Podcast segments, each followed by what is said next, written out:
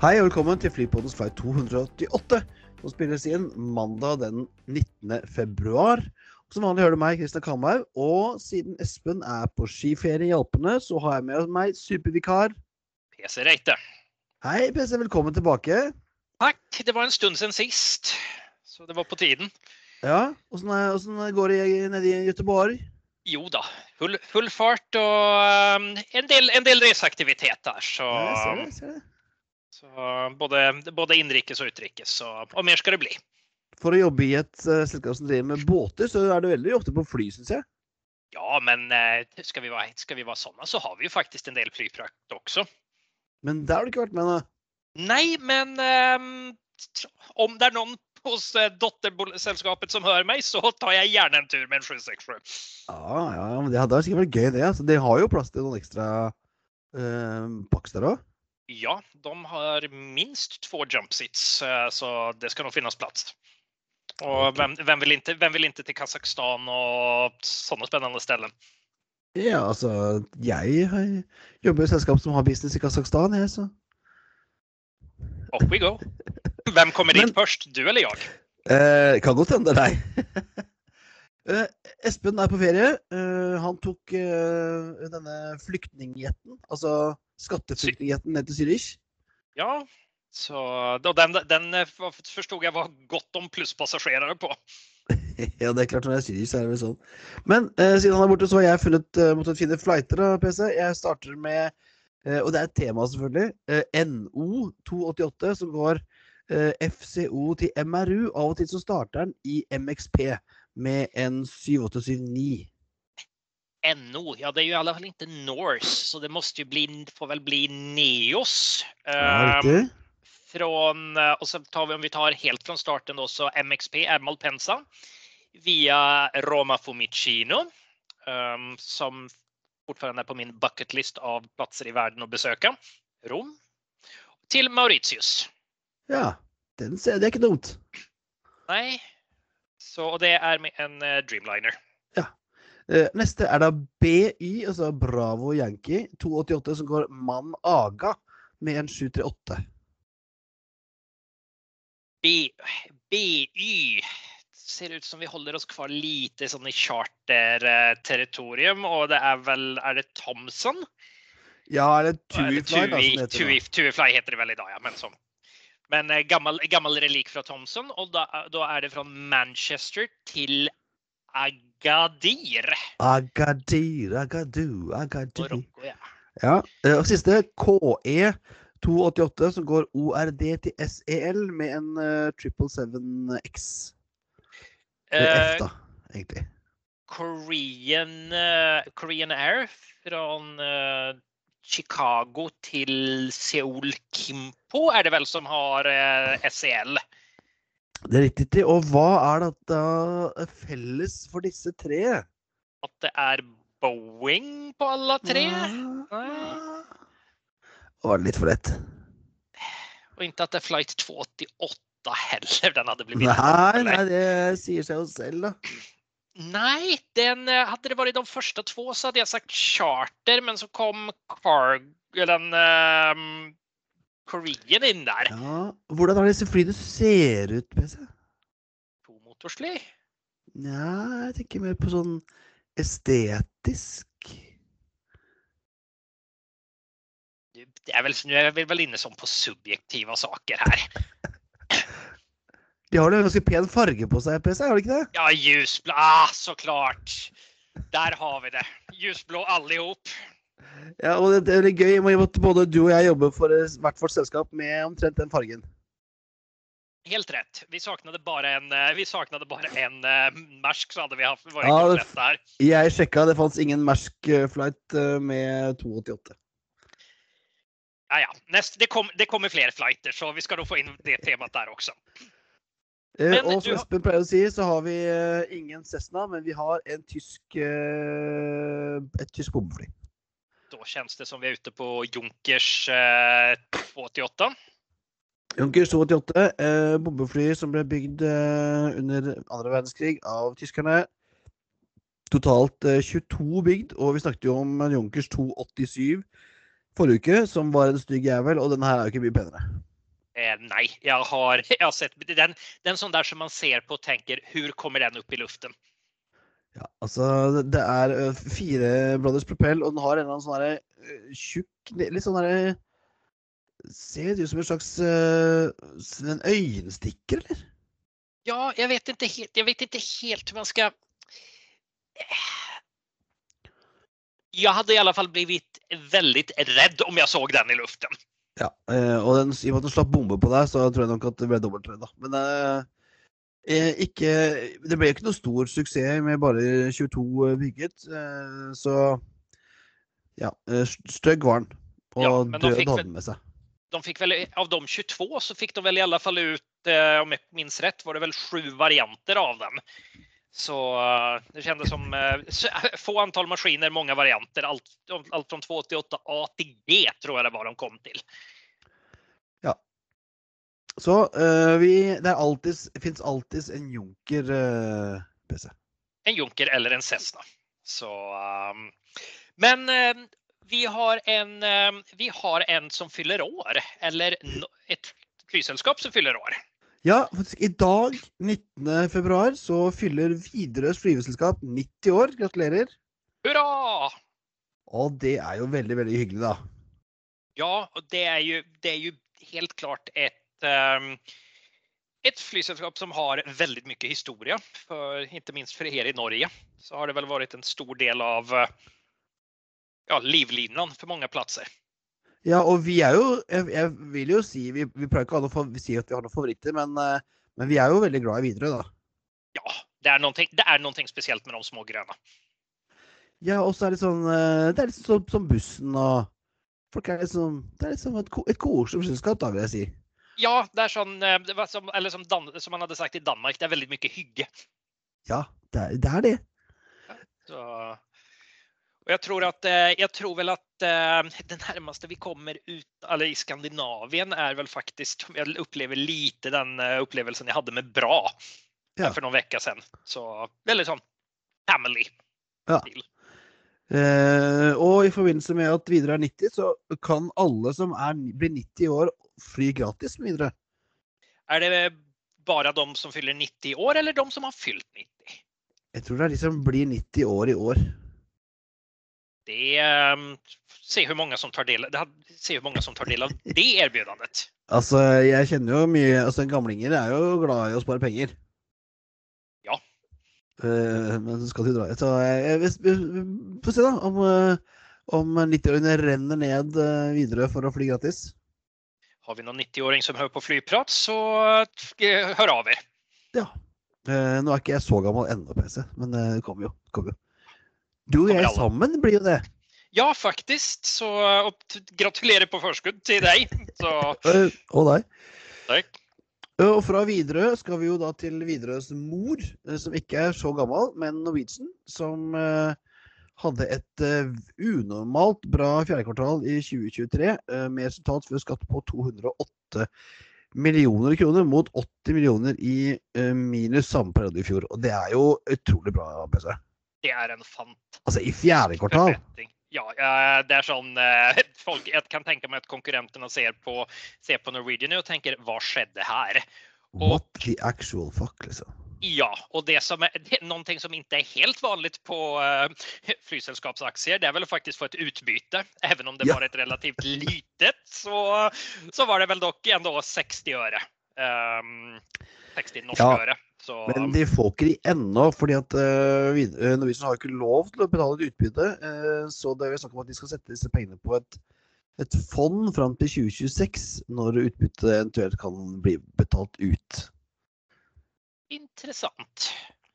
Totalen i år eh, for 2023 så endte de på et resultat på 2,23 milliarder kroner. Det er jo det beste resultatet i Norwegians mer enn 20-årige historie, og hadde en EBIT-margin på 9% Og for meg som har jobbet i, i både inkassobransjen, hvor 40% var vanlig, et vanlig år, og i, eh, i fiber, eh, internettfiber, hvor 50% var helt eh, vanlig, så er jo ikke 9 så veldig bra.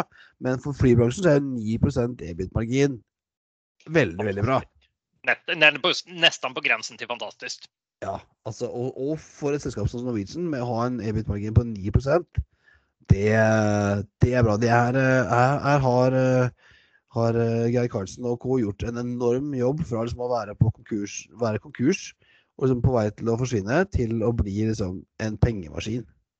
Og, det, og, sen, og, I tillegg til å finne gode besparinger, så har man jo klart av å få opp punktligheten, som i seg har gitt ja, ja, ja om jeg forsto det hele rett, har gitt veldig god utdelning på den biten. Både, både med eh, crew og ja, sånne, sånt som eh, en del tykker om å søke kompensasjon. Ja. Og litt sånn fra, fra vi, kikker litt på tallene, så ser vi at det er en positiv og økende booking eh, framover. Det ser bra ut for sommeren i år også. Folk bestiller nå lenger frem i tid enn de gjorde i 2023-2022. Så den trenden med å være sånn veldig opp nær eh, avreise på booking har liksom endret seg litt. Billettprisene går opp. Også på, når de har kampanjer, så blir snettprisen høyere. Ja. Kraftig nedgang i bortkommen bagasje, og dermed 30% lavere erstatninger. Det er en ganske signifikant forbedring. Og det man tenker da, er hvor dårlige var de innan? Alternativt hva det, det, det er, i det hva det er, hva er indeks, om vi sier sånn er jo kjedelig for de som uh, ønsker å, å, handle for uh, handle nye klær uh, for forsikringspengene, da, selvfølgelig. Så, nei, og det vet ikke om vi sa det, men det er vel et positivt tegn også at cashholden fra kreditt, uh, har uh, ja. minskat kraftig også. Og det tyder jo faktisk på at uh, det er ikke bare Norwegian selv som tror på Norwegian, utan Bankene, de som sitter på pengene. Ja. Eh, hatt suksess med å dra ned kapasiteten på vinteren. Selv om kasken øker, så økte rasken mer. Har økt eh, crew, crew block hours med 7 Dette kan jo du litt om, eh, PC? Det er faktisk en fantastisk økning. Det kan vel også bero på at man flyger Nå har jeg ikke sett, satt meg inn i det, men bero på at man flyger mer og optimerer, optimerer slingene på et helt annet sett. Så uh, well done til uh, crew planning i Norwegian. Uh, og fremdeles uh, fortsetter å øke i forretningssegmentet. På litt negativt så har de sier at de har en høy risiko for ytterligere leveringsforsinkelser fra Boeing. Boeing sliter jo med det å få levert på tid. Ja, sliter, Boeing sliter med rett mye just ja, nå. Men, men med, med, det sagt så har man, har man vel fortsatt lite tanker om uh, 737 Max 10. Ja. Og regner med en kapasitetsvekst i 2024 Eh, på 12% som er fra kvartal to og utover, og regner på en ja, guidet en EBIT på 2,5-3,2 milliarder for 2024, og da er ikke videre regnet engang. Det blir helt enkelt et spennende 2024 for uh, Norwegian og, og, videre. Og videre. Eh, ja. Som nå er i, i familie. Precis. Men um, det går inte, om, om det går bra for Norwegian og pengene kommer inn, så uh, går det ikke så bra for våre venner Air Baltic. De behøver penger. Nei, Air Baltic har Må altså finne 200 millioner euro for å betale tilbake et obligasjonslån fra 2019. Uh, og det spørs da om ikke de må gå tilbake til den latviske staten for å få litt mer penger. Og der er det vel eh, frist i uh, sommer noen gang? de gir juli, ja. juni eller juli?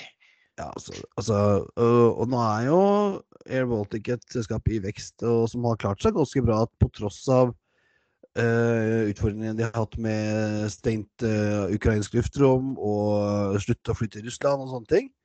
Så, og vært smartere med liksom, flinke til å flytte kapasitet til wetlease. Så ja det var vel I fjor sommer så var det vel nesten ikke ett europeisk bolag som ikke hadde Air Baltic på wetlease. Samtidig som Air Baltic wetlease hadde kapasitet for å klare av egen produksjon. ja, sant. Det var, eh, jeg fløy jo faktisk Air Baltic eh, for SAS fra Paris. Og jeg fløy Air Baltic eh, for Swiss eh, til Göteborg fra Zürich. Så det, som sagt, det var tenk, tenk, tenkte på de der dagene der Baltic var inne og fløy for både Swiss og SAS. og det gjelder å holde styr på annonseringen. Men um, om vi tar en liten topp, när vi, ändå pratar, när om SAS så är inte vägen till KLM särskilt lång längre. Och där har man gjort en liten um, justering av uh, färgerna på uh, maskinen, flygplanen. Ja. Apropos uh, blå fly. KLM har ikke en, en flight 288, så de var ikke med på denne ukens flighter. Men eh, KLM-liveren er jo blå overside, og så har de en hvit underside med en mørkeblå stripe imellom. Og den har eh, tidligere vært helt rett, og nå siste så har den vært litt sånn buet ned mot fronten. Eh, men på A321 så har de funnet ut at de må strekke den eh, buen enda lenger bakover for at ikke eh, den skal kutte på nesetippen. Og dermed ha to farger på nose cone. Så det er helt praktiske årsaker. Så har de gjort det sånn at det blir, eh, hele fronten blir nå blå. Og da slipper man problemet med at du har, eh, ikke kan bytte nose cones så enkelt. Smart, smart tenkt, men samtidig så tenker jeg når man skulle gjort den upgraden så kunne man gjort lite mer av KLMs, KLMs farger, som faktisk er relativt fine, men det, det noen någonting. Ja, så hadde du spurt meg, så kunne jeg godt ha droppa hele den hvite undersiden og bare kjørt, kjørt den helt blå, altså. Ja, så, for det er jo blått er jo tross alt et signum for KLM. På alt fra og det har jo alltid vært det. Og... Eller om du skulle liksom kjørt Altså, det er jo Kunne jo vært oransje òg. Ja. Men som sagt, jeg er ikke inte helt overbevist om den lilla justeringen. Men som du sier, den gir, den gir mening. Den gir mening. Ja, men og och faktiskt så när vi pratade innan, innan vi får någon kommentar på det så, had, så var faktiskt KL288 en flight från Calgary till Amsterdam. Så ja. det är en historisk flight, men ingenting som de har idag. Nej, det visste jag inte PC. Men eh, faktiskt så drar vi en liten transition in till Kanada. for för där har vi någon som inte helt tror på at den gamle 737-200 er død ennå. Uh, nei, uh, for man skulle tro at gamle, gamle 737-200 som Bråtens uh, fløy rundt med, var liksom gone. Men nei da. Kanadiske Nolinor, som flyr mye sånne flighter opp til nordlige Canada og inuittland, har jo fløyet 737-200 sånne kombivarianter en god stund. Uh, og nå har de faktisk tatt tilbake en eldre 737-200 som uh, de har pussa opp for 3 millioner uh, amerikanske dollar. Det er en ganske signifikant investering, og det er vel primært for de her fantastiske gravel kits som gjør at den kan lande på nesten hvilken 1000 meters eller 1200 meters strekka som helst. Ja, og, og Nolinor eh, har jo da eh, faktisk eh, Hvor mange skyttersjuer de har? Uh, på, på, på, skal jeg se her De har én uh, skyttersju 300, og så har de en hel haug med skyttersju 200 som jeg ikke klarer å finne for mange det var.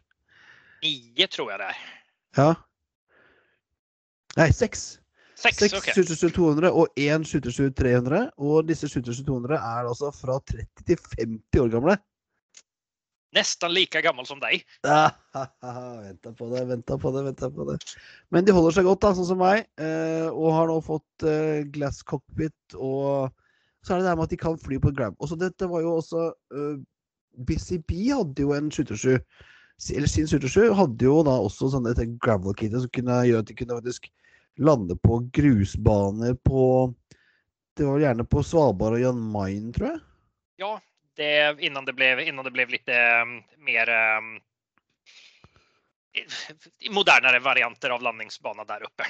Så når de, når de Nord har investert uh, så mange penger i å oppgradere 727-200 sin, så håper jeg at den flyr en god stund til. For det er noe spesielt med den, altså.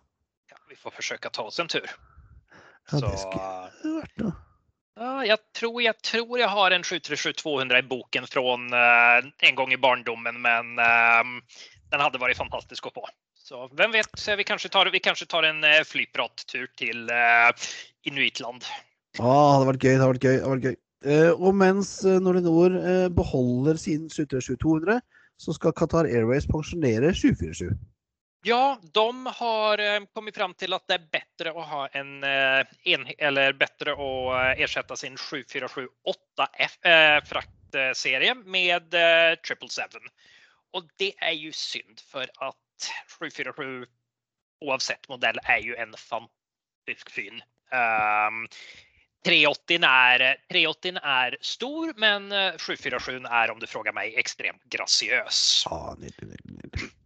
Men de får i alla fall nytt liv hos, eh, eller fortsatt liv ska vi väl säga, hos UPS. Ja. Dessverre mindre sjanse for å se dem her hos oss. Uh, Qatar Airways kunne vi jo sett med en 747 av og til på Gardermoen med fisk, men uh, det er sjelden vi får så mye småpakker med UPS at, de, at det er 747. Dessverre. Men, men vi har noe nytt fra Sverige, PC. Ja, Um, faktisk så ehm, en, eh, tydligen så kan inte danskarna få nog av ehm, och besöka de, de svenska alperna som jag hörde någon uttryckte det här om. Hæ? ja, Er det, det er vel ikke Alper Altså, det er vel ikke Østersund? Ja. jo, Altså nej, det var noen det någon, det var, det var, det var någon som, det var någon som sa det. Jag är inte helt, jag är inte helt enig, men eh, med tanke på att Danmarks högsta berg är sån där cirka 200 meter så, eh, så blir det en alp. Ehm, nei, men eh, SAS fortsetter um, vinter sin serie um, skidtur mellom Köpenhamn og Östersund uh, under tio veckor nästa vinter. Och um, det är ju, kommer i tillägg till att eh, det går reguljärt eh, både Århus och Köpenhamn till Sälen. Så danskarna verkar inte kunna få nog av eh, Sverige. Frågan är om det beror på den svenska kronan eller om det beror på någonting annat. Jeg hørte en, eh, en vits, et skjemt, her om dagen. En danske som kom hjem fra skiferie i Østersund, nei, i Østersund, da, for eksempel, og sa ja, jeg, jeg, har, har brekt fire ben i, i skibakken, sier han. Og så sier andre ja, men, å, er du, men likevel, er du, er, er du så fornøyd? Ja, men det var jo ikke mine ben. oh. Og der ber vi om ursäkt til alle våra lyssnare på Upplivpodden i Danmark. um, men uh, om, vi om vi fortsätter på, från en destination som vi SAS känner till eller som vi vet att SAS ska flyga till så vet vi också att SAS ska flyga någonstans dit vi inte vet. Ja, dette dukket jo opp øh, tidligere i, ja, i forrige uke, at vi kunne booke, booke billetter med SAS gjør bonuspoeng til en destination unknown. Ja, och vad jag förstod så var det över 5000 eller om det var till och med över 6000 personer som la en bokning på det här. Och det betyder ju då att om vi tar en eh, i 320 så är det mm, fem, mer än 5 500 personer på väntlistan på den flighten. Det er- hjelper det å ha gullkort, tror du? For Frågan är hur de kommer prioritera den här. Ja, det, det, det er så mye unknowns med denne unknown. um, Jeg hørte at jeg leste en intervju med Anko van der Werf og der hadde, gikk jo han til og med ut og sa at han har ingen aning, eller sier seg i alle fall ikke ha en, aning om hvor denne maskinen skal. Allting er innom prosjektteamet. For dette er altså en flight fra København som går fredag fredag den 5 april og så tilbake måndag den 8 april. Og det som ska bli spännande att se om teorin stämmer eller inte, men eh, någonstans kan det vara så att eh, där eh, SAS har fått en charter som startar någonstans ute i Europa och istället för en tom positionering i början och slutet på den slingan så kan man ha valt en eh, kan man ha valt att göra en gimmick av det. Ja, men altså allikevel altså, øh, du betalte, Man skulle betale 30 000 euro bonuspoeng for denne turen. Eh, og Plus liksom, hotell på mellom 140 og 150 euro per natt. mm. Så det høres ikke ut som London, i hvert fall, for det høres veldig billig ut for et hotell i London. Ja, jeg tenker Og ikke Paris heller. Nei, jeg tenker att Vi får... Jeg har sett noen bud på Amsterdam. jeg har sett noen bud på... um, även på Barcelona og andre steder ned mot Spanien. Men um, som sagt, det blir veldig interessant å se. Ja, jeg tror at dette her er en long haul-sak. Du, tror, du tror på long haul? Ja, jeg tror, er, jeg tror at dette er en long haul-tjafs. Å? Har du noen, noen bids på var? Nei, jeg bare tenker at når du har Altså, det skal koste 30 000 poeng, og hvis det skal være, liksom, det skal være en kul greie, og du skal så få noe ut av det, så, så, kan, så holder det ikke med Europa, liksom. Og du er hjemme på en mandag. Ja, Det kan uh, lukte en, en nattflight fra et eller annet sted eh, østover, kanskje? ja. Ja. Det-. Nei, vi får se. ja. Så Eh. tenker, da, te- tenker, tänker vi da per automatik at det skulle være en, være, bli en 321 long range? Nei, jeg tenker en eh, 350. Men da er frågan hvilken maskin, vilka destinationer tar man då bort? Mm. Har vi, någon av flyg, har vi någon som hör på Flygpodden som kan sätta sig och lägga pussel av eh, SAS trafikprogram Ja. så um, kom med den. Her skulle Espen vært, helt klart. uh, helt klart. Dette minner meg jo om en idé som jeg husker vi hadde når jeg jobba på SAS sin eh, jeg på uh, flysas.com. Så hadde vi en idé eh, om noe lignende, hvor vi skulle chartre en, uh, en 737 og selge 150 seter. 75%, 75 seter til menn, 75 seter til kvinner. Fly til Barcelona, eh, sende folk på buss til et av de kule utestedene, og så booke 75 hotellrom. Uh, Den fikk du nei på. Uh, it was a no. Ja, men uh, så ble det, så det, det var, var, det i, var det i samband med at den Love is in the air kom i stedet? Nei, det var en i, Ja, i, i den perioden der. Vi hadde til og med navnet Singles Are Sexy. Oh. Men uh, ja, vi får se om noen har tatt, tatt vår idé ut av skuffen igjen. Kanskje er det der. Nej, och så sker det ju lite, så sker det ju lite, ehm, så sker det ju annars lite eh, saker hos, eh, upptäckte häromdagen när jag var ute på, när jag var ute på söndagspromenad att jag har fått eh, Heart Aerospace som nästan närmaste granne här hemma på Lindholmen i Göteborg. OK. Ehm, däremot så i samband med det så kom det inte så trevliga nyheter, i alla fall om du är anställd på Heart, och det är att cirka 70 tjänster ska, eh, ska bort.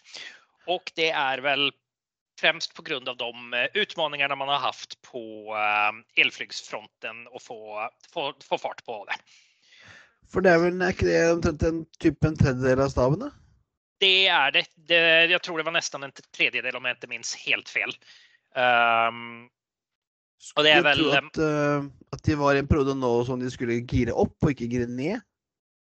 Nej, och där, är, där får man också den känslan av att eh, tror Hart på sina eg, sin egen prognos att ehm, det var väl det ES30 den maskinen hette som ehm, en, och runt, den hette väl ES30 på grund av Ja, att det skulle ha ES30. Ja. 30 passagerare. Um, tror väl kanske inte att den kommer i luften 2026 eller om det var 28. Ja, det var sånt. Og det er også en flight som folk har, som SAS har solgt bretter billetter til. Ja, precis. Det var väl ehm, det- också för eurobonuspoäng. Mm. Så, ehm, och där blir det väl intressant att se när ehm, de som har köpt till den flighten eventuellt får det eller får en eh, refundering på de poängen. Det er kanskje det blir. Men eh, all PR är god PR heter det väl i din bransch? Eh, nesten. På tal om, på tal om god PR. ehm, Sverige har ju faktiskt eh, fått hem sin andra, eller ja, andra eller tredje astronaut, lite beroende på hur du väljer att eh, räkna.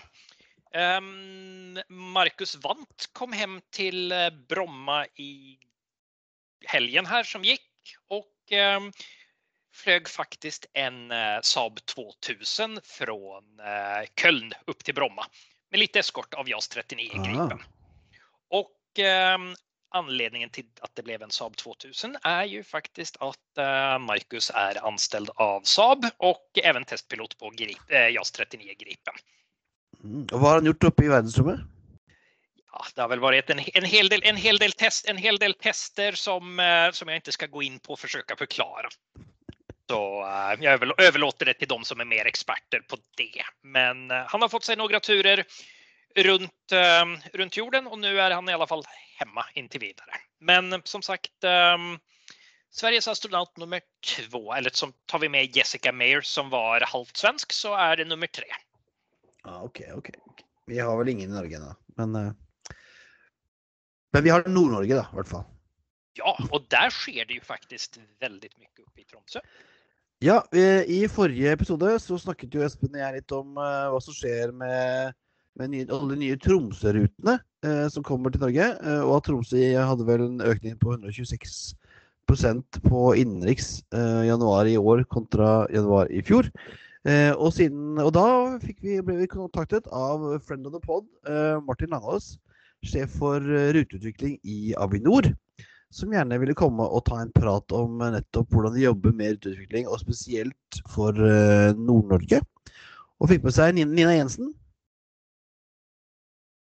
Ja, og Ikke, ikke hun Nina Jensen, men en annen Nina Jensen. som eh, jobber nettopp med Nord-Norge og ruteutvikling. Eh, og Tromsø får mye. Evenes får noe, men Bodø får ikke noe.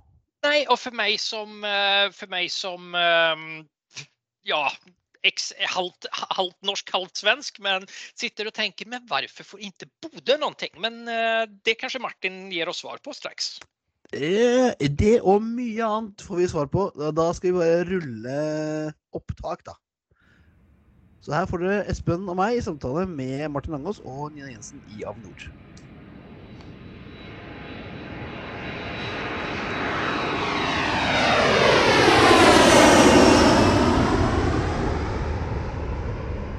Ja, eh, i forrige ukes sending Christian, så snakket jo du og jeg at Avinor de må vi snakke om fordi passasjertallene til bl.a. Tromsø og Nord-Norge er eh, så bra. Og da gikk det ikke veldig lang tid før vi fikk Avinor på tråden. Eh, ikke nok med Martin Langås, friend of the pod, som har vært der før. Hei, Martin. Hei sann, alltid hyggelig å være med. Takk, takk. Og ikke minst denne gangen, som da debutant på Flypodden, har vi fått med oss Nina Jensen. Altså, ikke, Ja. ikke, den, ikke den Nina Jensen, men en annen Nina Jensen. Ja, ja, riktig det. Ja, hei. Du har, en, eh, du har vel, du har vel en, en navnesøster som er litt mer kjent enn deg, Nina? Det stemmer det. Ja. Eh, Det som skiller oss fra hverandre, i hvert fall er navnet Nina Juliane Jensen. Juliane mellomnavn. eh, sitter i eh, Martin sitt Avinor ruteutviklingsteam. Og jeg har da ansvar for å jobbe med Star Alliance-gruppen. Det betyr da SAS, Lufthansa-gruppen med alle dens selskaper, og også polske lott. LOT. Og så må jeg få lov til å si litt at eh, jeg er veldig stolt av Nina. fordi at eh, de som er litt flynerder og ser på rutefronten, de ser at alt Nina tar i, blir til gull. Så derfor er det morsomt å ha med Nina på podkasten i dag. Og så hører vi jo, Nina, at du er ikke fra samme del av landet som oss de andre. Nei da, det, det stemmer det. Født og oppvokst i, i Nord-Norge, og nærmere bestemt uh, Bodø. Uh, bor i Trondheim, altså eh, vel Stjørdal. Og uh, ja, pendler ned til Oslo. Pendler rundt omkring der det er nødvendig for meg å være i, i forhold til jobben min. Da. Men litt, litt hvorfor vi ønsket å få en prat med dere, er jo at vi har jo sett på de siste si, passasjertallene fra Avinor. Og si, mens man overskriften er at eh, passasjerene er ikke tilbake eller de er ikke så bra som de bør være, så er det jo noen er flyplasser som. Ja, Sjefen sier det offisielt, og statistikken sier jo i og for seg det òg. Så kan man ordlegge seg på forskjellige måter. Men så ser vi jo, vi, vi har jo rapportert alle disse nye rutene som kommer til Tromsø. og Det ser man jo også på uh, passasjertallet, som hadde jo mer enn en dobling på utenlandstrafikken da, uh, i, uh, i januar i år. Og blant annet har gått forbi ja, Trondheim som liksom fjerde største utenlandsflyplassen i Avinor-systemet. Hva har dere gjort riktig for å få til det, og hva er det som driver dette? Skal jeg ta den, da, kanskje? Sånn innledningsvis. Nei, altså det er, det er utrolig morsomt å få lov til å reise rundt i verden og, og hete Avinor og ha med seg disse produktene. Det er jo eh, primært eh, to eh, måte momenter i Nord-Norge nå som drar interesse. Eh, hvis vi kommer litt tilbake til det. Men, men eh, det som primært drar Tromsø, er jo, er jo vinter. Og så kan man gjerne si at turistene har fått øynene opp for, for, Norge, men de flyselskapene fikk nok øynene opp for Finland først. Og så det at counter seasonal funket veldig bra. Så har vi kapitalisert litt på det, selv om vi ser at eh, Tromsø-markedet og Nord-Norge-markedet er et helt annet marked enn Nord-Finland er. Eh, vi ser at det er mer et masseturisme, mye mer peak vinter i, i, i, i Finland, mens, mens, vi ser i Tromsø at det er mer nisjemarked, eh, mer explorere, enda mer kapitalsterkt segment som kommer. Og vi klarer også å dra ut den effekten gjennom eh, hele året. Og så har vi jo en, en annen effekt, det er jo den eh, arktisk sommerturisme. Den er det Island egentlig som på en måte har fått flyselskapene til å få opp øynene for. Eh, som vi kapitaliserer på nå, med, med, med, tre eller egentlig fire helt nye utenlandsruter fra Evenes mm. inn i sommeren. Og så er det jo sånn at Vi ønsker jo å bruke denne effekten for å på en måte eh, dra eh, utover de andre Avinor-lufthavnene også. Vi har en tydelig strategi om at eh, vi skal gi gass på disse destinasjonene. for Det er gode etablerte reasons to go. Tromsø er i ferd med å bli en bucketlist-destinasjon. Healen er veldig bra for flyselskapene. Det er bra lovfaktor. Det at vi får inn selskaper der som gjør det bra, gjør at vi får en dialog, vi får en relevans og er mye mer Eh, i en helt annen posisjon i forhold til å forhandle og diskutere andre rutemuligheter med de i, i Avinor-systemet. Ja, for det er jo startet en rekke nye nå til ta, ta Tromsø først, da, som tydeligvis da har klart å fylle de flyene når jeg så på passasjertallene. Men eh, hva er det som si, kjennetegner Eh, trafikken ditt utover liksom, arktisk? Er, er, det noen spesielle kundegrupper? Det er, for det er kanskje litt annerledes når jeg ser, hvis du ser på Flightradar 24, så ser du masse fly til Nord-Finland, og så tillegg til alt det vi har fått i Nord-Norge. Men til Nord-Finland så er det jo charter fra Belgia og Manchester. Ja, jeg kan kanskje si litt uh, om det. Um, jeg har jo jobba veldig mye med disse, disse flisredskapene i Lufthansa-gruppen som, som uh, den ene etter den andre har etablert seg på Nord-Norge og Tromsø. Og det oppleves som Altså, Nord-Norge oppleves som noe som er veldig unikt er høyt nivå på, på, på opplevelsene der, på ja, hele uh, pakka. Så man uh, tiltrekker seg uh, besøkende som, som, har høy betalingsvillighet, fordi de har lyst til å oppleve og se noe som er helt unikt, rett og slett. Du må vel ha høy betalingsvillighet for å reise til Norge også? Så det hjelper jo litt med, med lav euro. Har dere merket noe av den effekten? Ja, altså, eh, selvfølgelig så, så, hjelper det. Eh, jeg tror den kanskje er litt overdrevet sånn. Jeg tror det tar liksom litt sånn par år liksom, før liksom den, den, perception of Norway as a expensive country blir litt endret. Men det vi ser, da, spesielt for Nord-Norge, som, som, som, er relevant her, er at det er et ekstremt kapitalsterkt marked. Det er dyrt å reise til Tromsø. Det er dyrt, dyre opplevelser. Det er dyrt å fly dit. Det er dyrt å bo på hotell. Men likevel så ser vi de er der én uke, ti dager, kanskje to uker. Eh, og Det betyr at det er jo et, et, et klientell som kanskje ikke er så, så sensitiv og eksponert for valutajusteringer som, eh, som kanskje en del andre markeder. Mm. Men litt, på, men litt på, på det du nevnte, Espen, at det Nina har vært fantastisk eh, god på i forhold til Tromsø, det er å få i gang nettverksselskapene. Eh, og en destinasjon som Tromsø, som, hvor det ikke er noe sånn utpreget bare Manchester og, og Brussel, så ser du at det er reisende fra Australia, det er fra Brasil, det er India, det er masse fra Singapore og USA.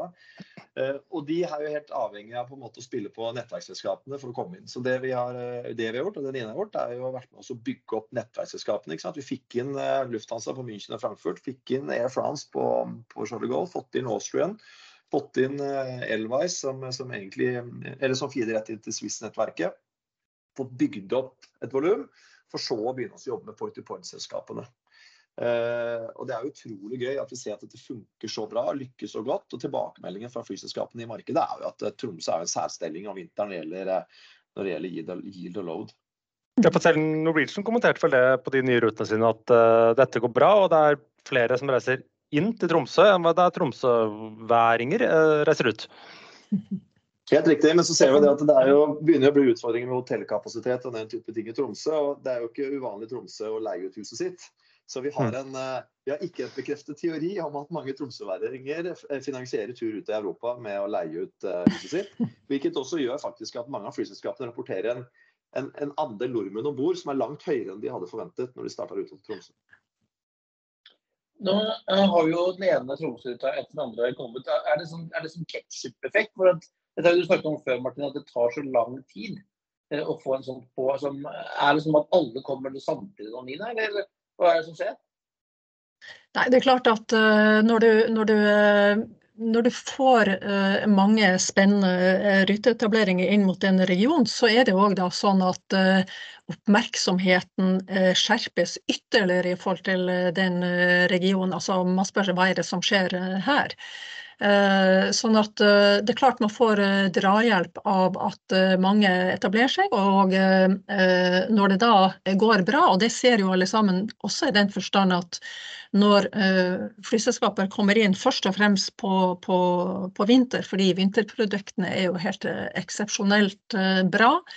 Uh, og man gjør gode erfaringer på vinter, så ser vi at, uh, at uh, nesten uten unntak at disse flyselskapene også konverterer eller åpner også sommerproduksjon på, på, Tromsø. Og totaliteten her er jo med å forsterke ikke bare oppmerksomheten mot Tromsø, men mot hele Nord-Norge. Og det er jo det vi Eh, på en måte ser eh, eh, gir resultater i forhold til oppmerksomhet i forhold til Lofoten-regionen, i forhold til Alta og etter hvert også i forhold til Bodø og Helgeland.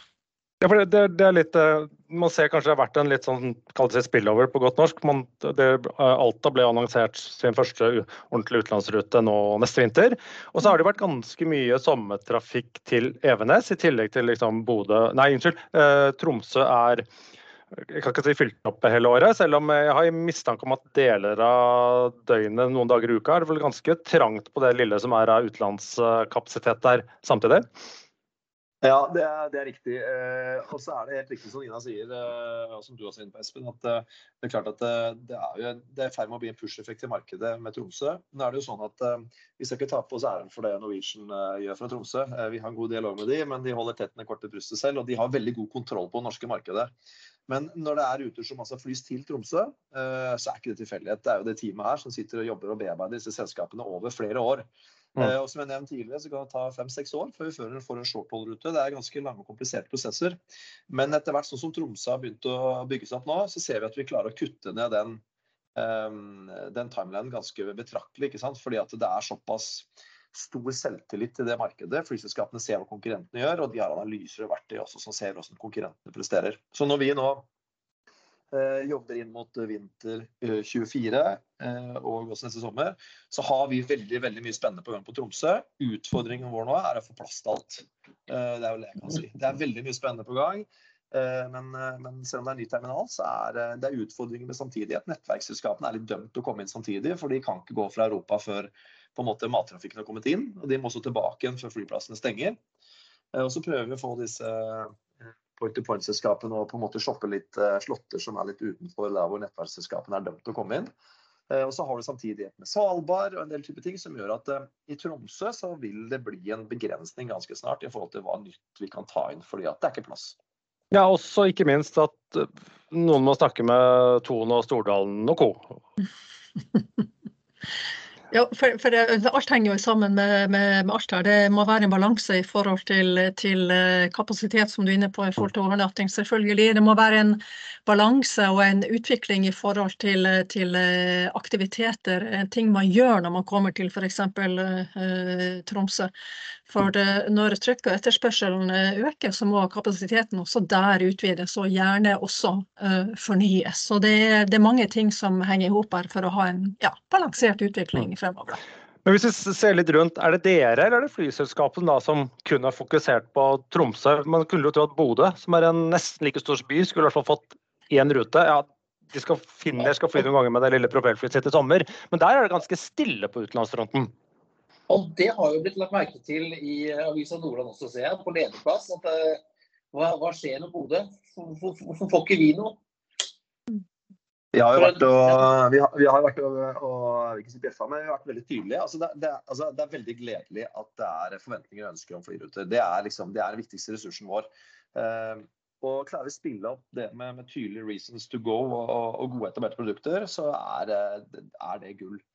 Eh, Utfordringen i Bodø er kanskje at ambisjonen har vært litt høyere enn kanskje eh, kvaliteten på produktet, hvis man skal være litt direkte. Og Det har vi også vært tydelige og også på en måte kalibrert de forventningene i media der oppe. Og Jeg opplever at vi får medhold for det. Jeg opplever også at man på en måte nå erkjenner i Bodø at man skal at man jobber litt mer riktig. Men, men Nina her, som jobber mye tettere mot Bodø, kan jo kanskje ligge litt mer innblikk i hvorfor vi ser Bodø som annerledes. Og for flyselskapene, ikke minst, som er det viktigste, eh, på en måte ikke er spesielt eh, opptatt av Bodø.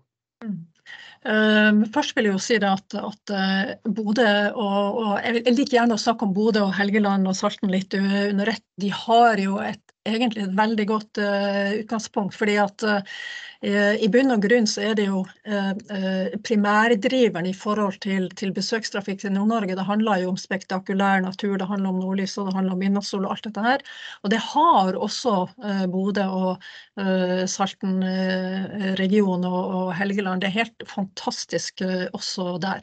Men så handler det om da å klare alle gode krefter å trekke i samme retning og kommersialisere og utvikle gode eh, eh, produkter som gjør at eh, man finner det attraktivt også å komme dit. Og ikke minst handler det også om å brande seg ute i den store verden. Fordi selv om vi har lykkes med mye, så er det fortsatt sånn at det er beinhard konkurranse der ute om flyselskapenes kapasitet, flyselskapenes flyseter. Og du må levere på øverste eh, eh, nivå på, på, alle de elementene som skal til for at et flyselskap skal lykkes med sin investering i eh, en ny destinasjon, for det er en stor investering og masse risiko. Og Bodø har nok et stykke igjen å gå i forhold til det å pakke knallgode produkter, kommersialisere dem og være ute i de internasjonale markedene og selge dette her inn.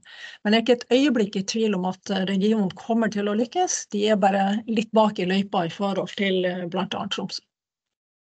Og da, I år er det jo, har jo Bodø som er eh, europeisk kulturhovedstad. Så det burde jo vært et, et trekk på Østre.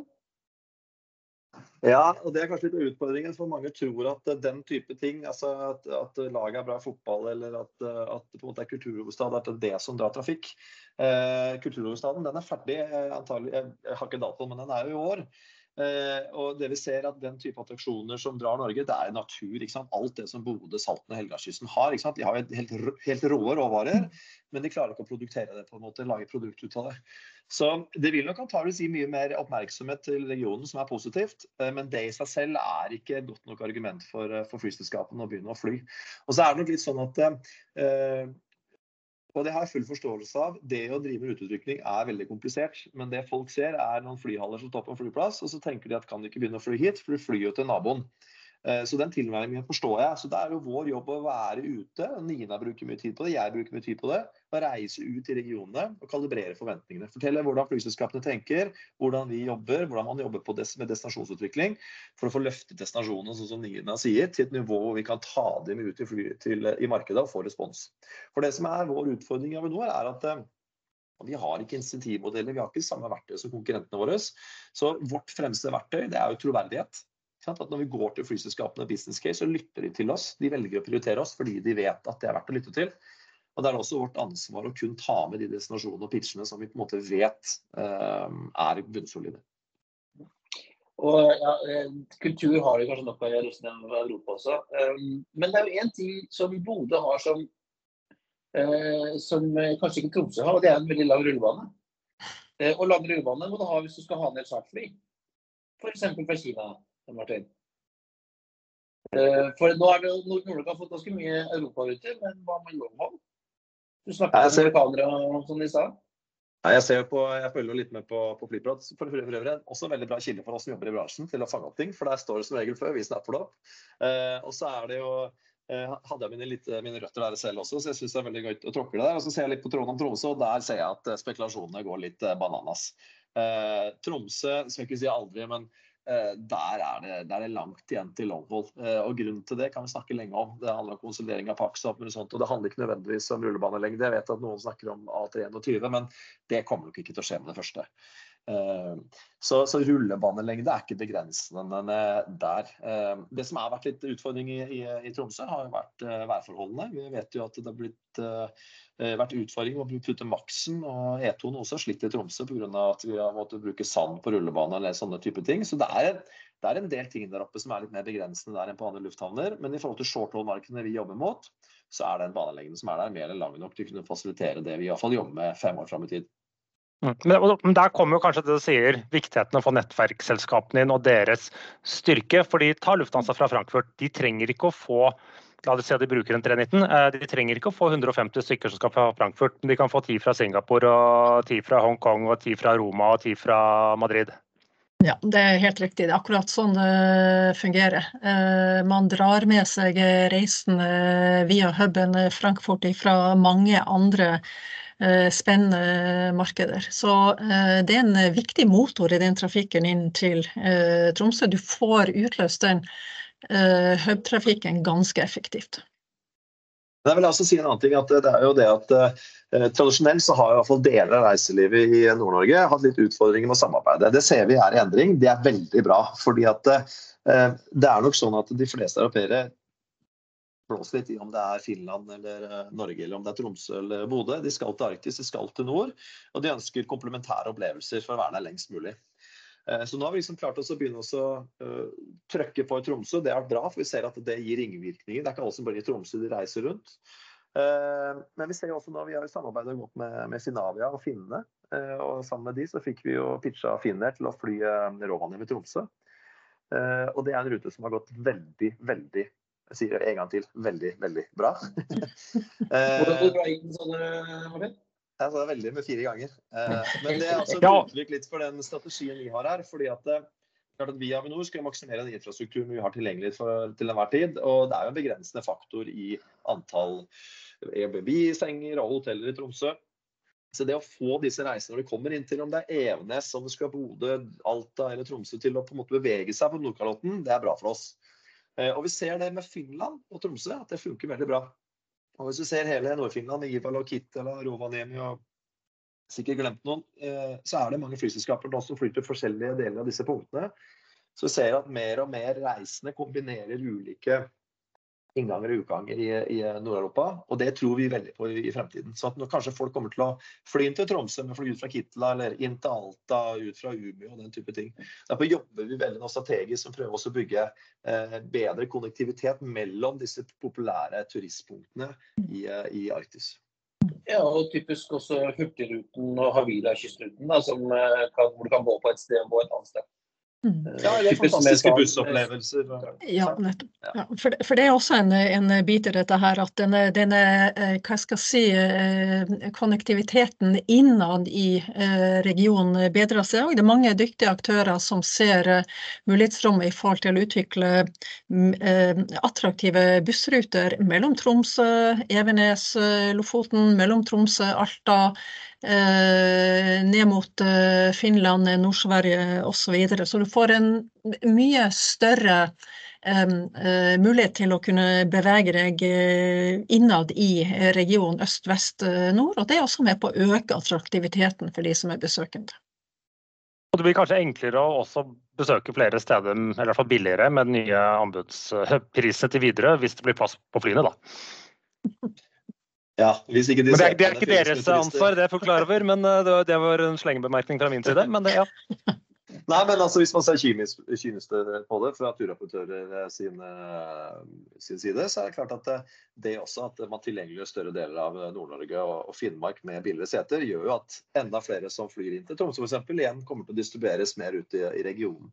Så det, liksom, det er, Den historien vi er veldig opptatt av å fortelle, er at selv om det kanskje går litt trått i f.eks. Bodø nå, og man ser kanskje litt sånn med misunnelse på det som skjer eh, på Evenes og Tromsø, så er det kanskje det beste som skal skje for Bodø.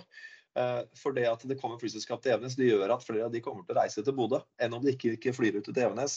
Så vår oppfordring er jo til disse lokale aktørene å henge seg på turoperatører og flyselskaper som flyr til nærliggende lufthavner. Og da, for her er jo Evenes en, en nærliggende lufthavn, selv om det er et stykke unna. Eh, mm. For så å kapitalisere på det. Bygge volumet komme opp på et nivå som gjør at vi kan drive ruteutvikling også fra Helgeland, den nye flyplassen der når den åpner, og, og Bodø. Ja, for det er jo en region eh, ting. Og det er vel det som tar Evenes som trekker. For det er vel Jeg antar at det er mye Lofoten som trekker der. At eh, med fare for å tråkke noe på tærne, så antar jeg det ikke er Harstad. Nina? Eh, nå ble jeg litt forstyrra av og så kom inn døra her. Nei, jeg, jeg sier eh, Når du kommer til Evenes, så er det jo kanskje Lofoten og naturen rundt som, som trekker. Og, og, med fare for å tråkke noe på tærne, så er det kanskje ikke Harstad som da er primære trekkmålet til, eh, til, til, de som flyr til Evenes? Det er klart, men man, altså, Lofoten er jo en merkevare. Altså, eh, det, det, det, er litt morsomt når vi f.eks. er i, i, i Sveits. Der kan vi møte sånne utsagn som at halve Sveits snakker om uh, Lofoten. Uh, og det er kjempeartig. Men samtidig så, så uh, vil også Lofoten trekke på Vesterålen. Man vil vi, vi, vi, tror og eh, er ganske sikker på at eh, Lofoten kommer til å utvikle seg også etter hvert mer også som vinterdestinasjon. Og da har du eh, Narvik med de fantastiske skianleggene der. Så det er, det er, det er ikke bare Lofoten som trekker, men, men, i økende grad det som, som omkranser Lofoten òg. Og Martin, du som jo har et ekstra varmt hjerte for, for passasjerer som ikke snakker altså frakt blir det noe frakt på disse Tromsø? Blir det noe fisk derfra? Rekker det går, går det fremdeles i Oslo? Nå vet jeg Thomas i Widerøe smekker meg hardt på fingra, men eh, det, det, går, eh, det, går, nesten ikke noe fisk i, eh, på shorthold. Eh, de gjør ikke det. Det går nok noen kasser med, Thomas til noen eksklusive restauranter rundt omkring i Europa. Men det, går, det går noen krabber og sånt fra Alta. Men men, men nei, det, det, er det ikke. Og så er Yielden det kan jeg være ærlig på, uh, Yielden er såpass god på disse rutene at fraktet på en måte, det er ikke, det er ikke en deal-breaker. Um, men jeg har lyst til å nevne litt Alta, før vi kanskje gir oss. Uh, for jeg syns på en måte det er kanskje noe av det morsomste vi har gjort i ruteutvikling. Fordi at uh, her har man en, en, destinasjon i Norge som antageligvis ikke så mange nordmenn kjenner til. Altså Man har hørt om alt, men man kjenner ikke til produktet. og Grunnen er at man har rettet seg mot det internasjonale markedet. Man har liksom ikke brukt ressurser på å markedsføre seg mot nordmenn. Og Der er det altså investert voldsomt mye i eh, hoteller, resorter og opplevelser på et veldig veldig høyt nivå. Eh, hvor det er liksom entreprenører som har stått på, stått imot pandemien og bygd opp en kvalitet som er helt fantastisk. Og det å kunne få lov til å jobbe med de, og være med å bygge liksom den første flyruta som, som, på en måte gir de bekreftelsene og liksom den endelige avkastningen på den investeringen de har gjort, det syns jeg har vært veldig veldig stort. Og når vi var i Alta her og slapp den nyheten sammen med Discover for en måned siden, så sleit jeg faktisk med å prate litt, for jeg var helt bløt, i, jeg var helt bløt når vi skulle si det. For jeg så hvordan det publikummet på en måte sugde til seg. Og det er jo litt det som er gøy her. Når vi slipper en ny rute i Oslo, så er det sånn Ja, kult. Uh, what's next? Men når du kommer til sånne steder hvor du vet at dette her er sånn det blir før og etter at vi får til mm. flyruter, så er det utrolig givende og spennende å, å, få lov til å fly der. Og Nina kan kanskje fortelle litt om, om, Discover også. De skal jo også starte på Evenes? Ja, riktig det. Discover er jo eh, en av døtrene til, til eh, Lufthansa, Lufthansa, en del av Lufthansa-gruppen. De har jo base både i Frankfurt og eh, München. Eh, og i år så starter de jo da to ruter eh, til Norge. Det ene er jo, som vi allerede nevnte, eh, Frankfurt-Evenes. Åpning 16. mai, to ukentlige. Og så 19. desember, som da blir det nye julaften i Alta. Da starter Frankfurt Alta. to ukentlige der òg. Så dette her blir jo fantastisk spennende.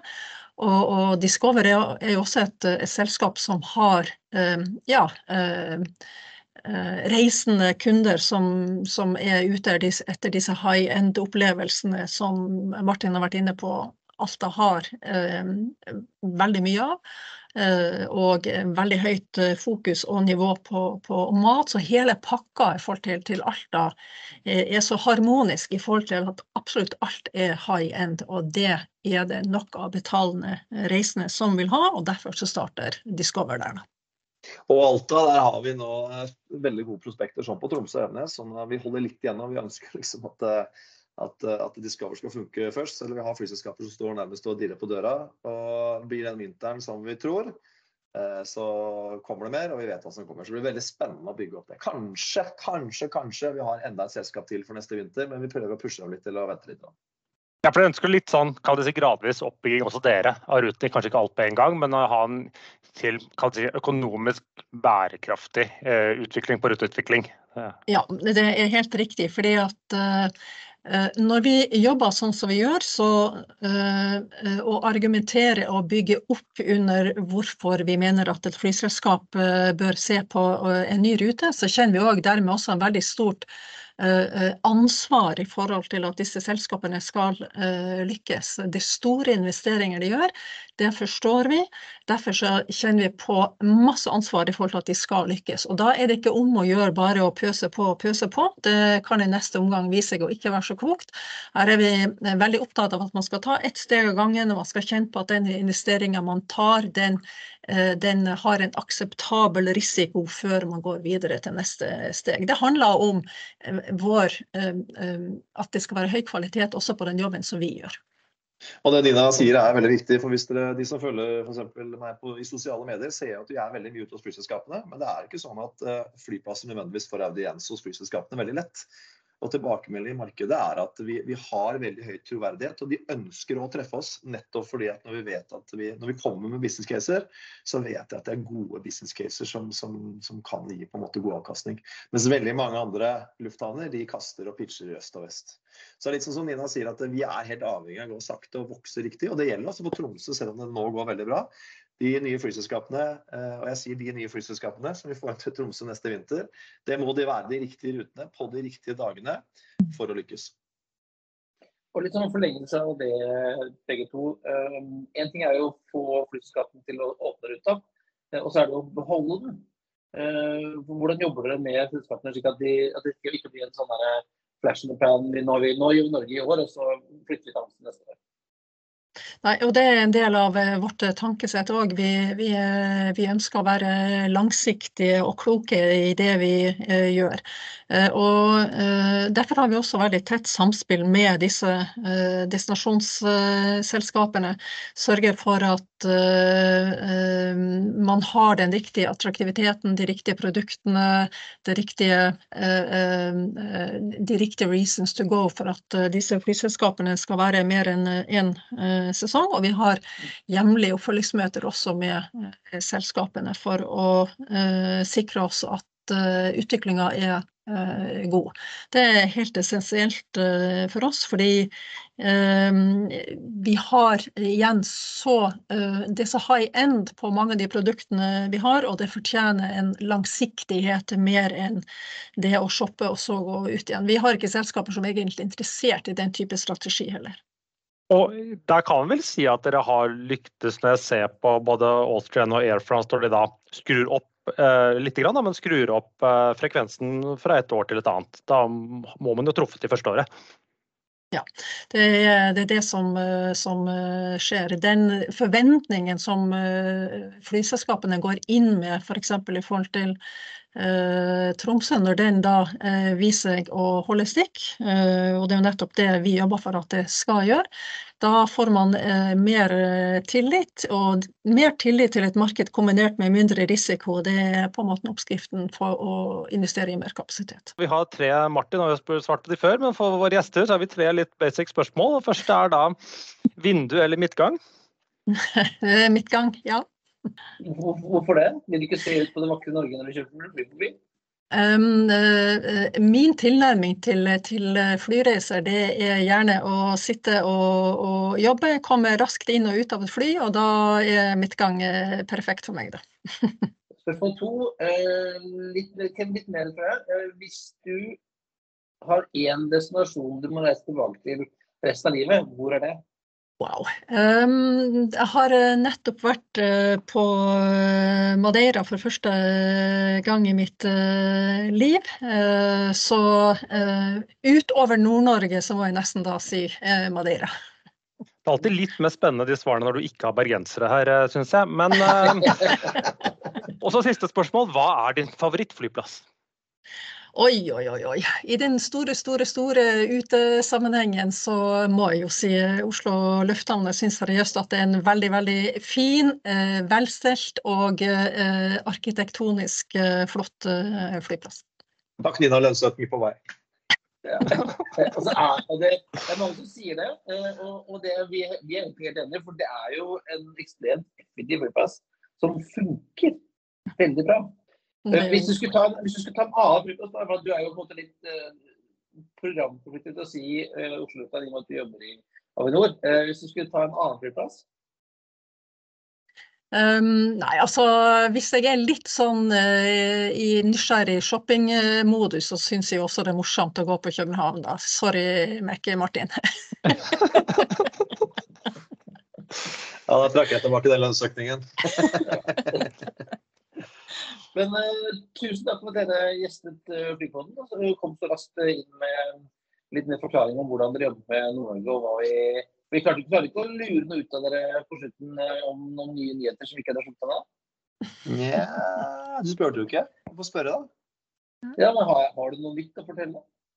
Nei, det kan jeg ikke si. Jo da, jeg kan si eh, Nei, altså, det er jo sånn, Vi jobber selvfølgelig under streng konfidensialitet. Men jeg kan si at vi jobber jo, som jeg nevnte, vi jobber mange år fram i tid. Vi har en god formening om hva vi får inn på Tromsø til, eh, til eh, neste vinter. Vi har en god formening om vinteren etter der. Og det jeg kan si, er at det er mer interesse for Tromsø enn det med plass til eh, inn i neste vinter. Så det er, det er, det, er mye spennende. Er vi heldige, så kan noe av det slippes allerede i neste uke. Men pga. Eh, slått og litt utfordringer, så tror jeg kanskje flyselskapene venter til vi nærmer oss eh, juni-juli og slått sandback før de legger det i salg. Da hører vi tilbake fra deg da, tenker jeg. Eh, Ja, eller så kan de følge oss på Instagram på Seafoodflyer. Så kan de få live oppdatering når rutene slippes. Det er bra. Tusen takk, tusen takk igjen. Vi høres nok plutselig igjen, tenker jeg. Ha det bra. Ses i mai. Ha det. Ha det. Hei.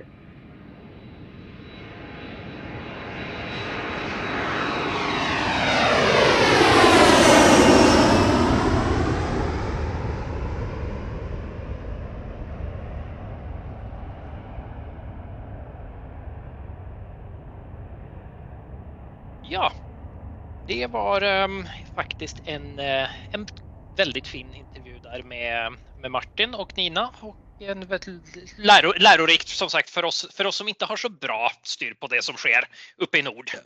Og noen, vi har jo noen ideer og tanker og, og hva vi tror, men så er det ikke alltid sånn som det vi tror er riktig, da. Men uh, da er det godt at vi har lyttere som Martin, som uh, vil sette record straight. Ja. Ehm, och det var faktiskt allt för den här gången.